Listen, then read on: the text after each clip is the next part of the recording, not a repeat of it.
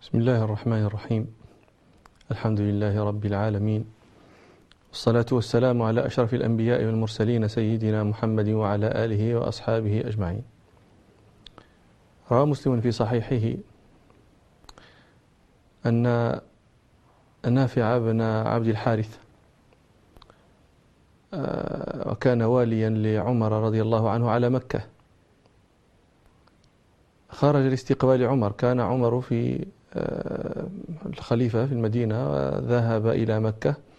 ووالي مكة يعني يجب أن يذهب ويخرج ليستقبل الخليفة فاستقبله في عسفان.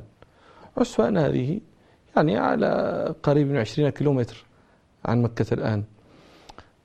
فلما لقيه قال له عمر من استخلفت على أهل الوادي يعني على أهل مكة. قال استخلفت عليهم ابن أبزع عمر رجل مكي ولد في مكة ونشأ في مكة ويعرف يعرف قومه يعرف أهل مكة لكن لا يعرف فيهم رجل اسمه ابن أبزع. فقال من ابن أبزع؟ قال مولى من موالينا. المولى هذا ليس من صرحاء العرب هذا مولى إما أن آه، كان عبدا ثم أعتق وإما أن أمه آه، أمه المهم ليس من العرب الصرحاء فتعجب عمر. قال استخلفت عليهم مولى في هذا في غاية العجب. وفعلا يعني تعجب عمر له موضوع. استخلفت عليهم مولى فقال نافع بن عبد الحارث يا أمير المؤمنين إنه قارئ لكتاب الله عز وجل وإنه عالم بالفرائض. فقال عمر رضي الله عنه حينئذ ولم يبدي بعد. معارضة. قال أما إن رسولكم صلى الله عليه وسلم قال إن الله يرفع بهذا الكتاب أقواما ويضع به آخرين. أكثر السامعين لهذا الحديث لن يدركوه حق إدراكه لن يفهموه حق فهمه إلا إذا كان لهم تصور بالواقع العربي في ذلك الزمن. يعني الآن قد نتعجب نحن من تعجب عمر رضي الله عنه. لماذا يتعجب عمر أن ولي على أهل الوادي مولى يعني الآن في أذهان المسلمين في آه، في, في المعلوم عند المسلمين بالضرورة أن المسلمين سواسية لا فضل لعربي ولا على عجمي إلا بالتقوى. لكن لماذا يتعجب عمر وهو من أدرى الناس بهذا؟ لأن عمر رجل عربي أدرك حقبة. لا بد أن نفهمها لنفهم تعجبه العرب في ذلك الزمن أو قبيلة بقليل قبيل الإسلام كانوا يأنفون من أن يحكمهم ملك. يعني الآن العربي يأنف لا يرضى أن يحكمه ملك الآن يحكمه مولى مولى عبد عبد. ما زلنا نرى فيه شائبة العبودية. قريب حديث عاد بحرية. ويحكمه يحكم إنسانا كان يأبى أن يحكمه ملك وأذكر لكم مثال على هذا. آه عمرو بن كلثوم هذا شاعر مشهور جدا من شعراء العرب بني تغلب من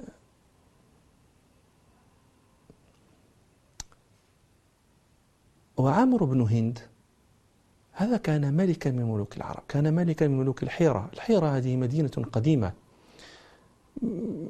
كانت يعني موضعها قريب من الكوفة الآن وكانت عاصمة ملوك لخم من العرب الذين يسمون بالمناذرة. هذا عمرو بن هند مجتمع مع قومه ذات يوم قال لي خطر بباله أن يسألهم سؤالا. قال لهم هل تعلمون أن أحدا تأنف أمه من خدمة أمي. يعني ملك هو ملك خدمة أم الملك. شرف هذا. فهل تعلمون أحد من العرب؟ أمه تأبى أنفة أن تخدم أمي. فنظر أولئك فقالوا أم عمرو بن كلثوم. قال لما قالوا لأن أباها هو مهلهل. هذا مهلهل مدوخ العرب في حروب البسوس. وعمها وأعمها كليب أعز العرب. ولعلي يوما أحدثكم عن كليب هذا. وزوجها كلثوم بن مالك سيد قومه. وفارس العرب.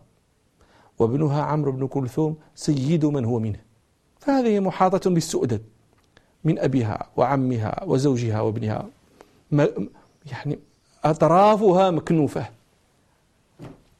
بالسؤدد فما قنع هو بجوابهم وأراد أن ينظر أحق ما يقال. هذا الذي يقال حق هو. فبعث إلى عمرو بن كلثوم ودعاه إلى مأدبة وطلب منه أن يأتي بأمه أيضا لتزور أم الملك.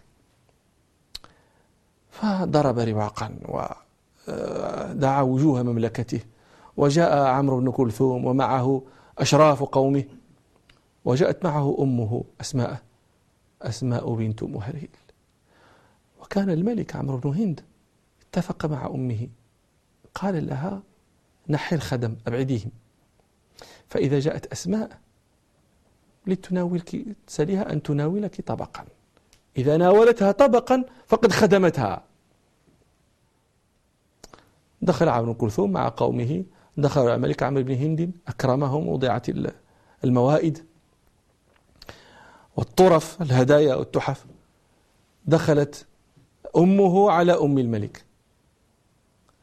فلما فرغوا لما فرغوا من الأكل قالت أم الملك لأم الشاعر يا أسماء ناوليني هذا الطبق. فقالت أسماء صاحبة الحاجة تقوم إلى حاجتها. فأعادت عليها أم الملك. ناوليني الطبق. فلما أعادت عليها ألحت صاحت أسماء. أسماء هذه كيف تلح مرة واحدة تكفي. ألححتي تكررين.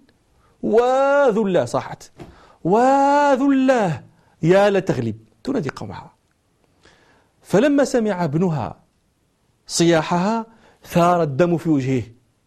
ونظر إلى الملك فرأى الملك في وجه عمرو بن كلثوم رأى في وجهه الشر فنظر إلى سيف كان معلقا في الرواق وكانت الناس لا تدخل على الملوك بالسيوف إنما هو سيف واحد للملك يعلق في في في أعلى الرواق. فقام إلى السيف واخترطه وقتل به عمرو بن هند و و و ورجع وأمه. هذا هذا هو العربي. لأن هذا الوضع الطبيعي هذا الوضع الطبيعي عند العربي في ذلك الوقت. قوم لا لا يحكمهم ملك ملك لا لا يحكمهم. وفي ذلك يقول وفي معلقته يذكر هذه القضية بأي مشيئة عمر بن هند تطيع بنا الوشاة وتزدرينا تحتقرنا كيف يعني؟ بأي مشيئة عمر بن هند تطيع بنا الوشاة وتزدرينا بأي مشيئة عمر بن هند. نكون لقيلكم فيها قطينا تهددنا وأوعدنا رويدا. متى كنا لأمك مقتوينا؟ فإن قناتنا يا عمرو أعيت على الأعداء قبلك أن تلينا. إذا عض الثقاف بها اشمأزت وولتهم عشوزنة زبونا عشوزنة إذا انقلبت أرنت. تشج قفا المثقف والجبين. ثم إلى آخر ما قال في معلقته هو معروف. هذا العربي. العربي عصبيته عصبية لم تكن ولا أحسبها تكون أبدا. في ذلك الوقت أنا قلت مرة آه، يتمادحون بالظلم بأنهم لا يسلمون. لا يسلمون من من من من من, من حصل عندهم أبدا. ولو كان في كفه ما أرسلها. بل أكثر من هذا يتبعون الغاوية على غواية على غوايته وهم يعلمون أنه غاو ويتبعونه. لماذا؟ عصبية. عصبية. دريد بن الصمة هذا فارس آه، هوازن وشاعرها وخطيبها وحكيمها وذو الرأي فيها. ماذا يقول؟ يقول متحدثا عن قومه. أمرتهم أمري بمنعرج اللواء فلم يستبينوا الرشد إلا ضحى الغد يعني هذا رجل حكيم والحكيم يعرف أواخر الأمور من مبادئها ويعرف مصادرها من مواردها ويعرف إدبارها من إقبالها. وعارف هذا عرفه. فيقول أمرت لما كنا هنا أمرتهم الأمر الذي لم يتبين لهم إلا ضحى الغد. أمرتهم أمري بمنعرج اللواء فلم يستبينوا الرشد. ما كنت أقوله لهم فلم يستبينوا الرشد إلا ضحى الغد. أيوه عصوه. ها ماذا كان؟ فلما عصوني كنت منهم. وعجبا لهؤلاء. عصوك فاتبعهم وأنت الراشد وهم الغاوون. فلما عصوني كنت منهم وقد أرى غوايتهم وأنني غير مهتدي. وهل أنا إلا من غزية؟ إن غوت غويت وإن ترشد غزية أرشدي. هذا هذا العرب. دائما استحضر هذا العربي يحكمه مولى صار يقبل ويجده شيئا طبيعيا أن هذا المولى الذي هو من أدول الناس عندهم إذا صار حافظا عالما بكتاب الله صار فوق الرؤوس جميعا. فوق رأس أشراف رأس. العربي أقول لكم يأبى أن يأنف أن يحكم ملك في أن يحكمه ملك في ذلك الزمن. لما مات رسول الله صلى الله عليه وسلم وولي الناس أبو بكر في الحاكم في مستدرك الحاكم بإسناد اختلف فيه المحدثون لكنه لكنه شيء مشهور في السير. لما مات رسول الله صلى الله عليه وسلم وبلغ الخبر أهل مكة قال فبلغ أهل مكة الهائعة.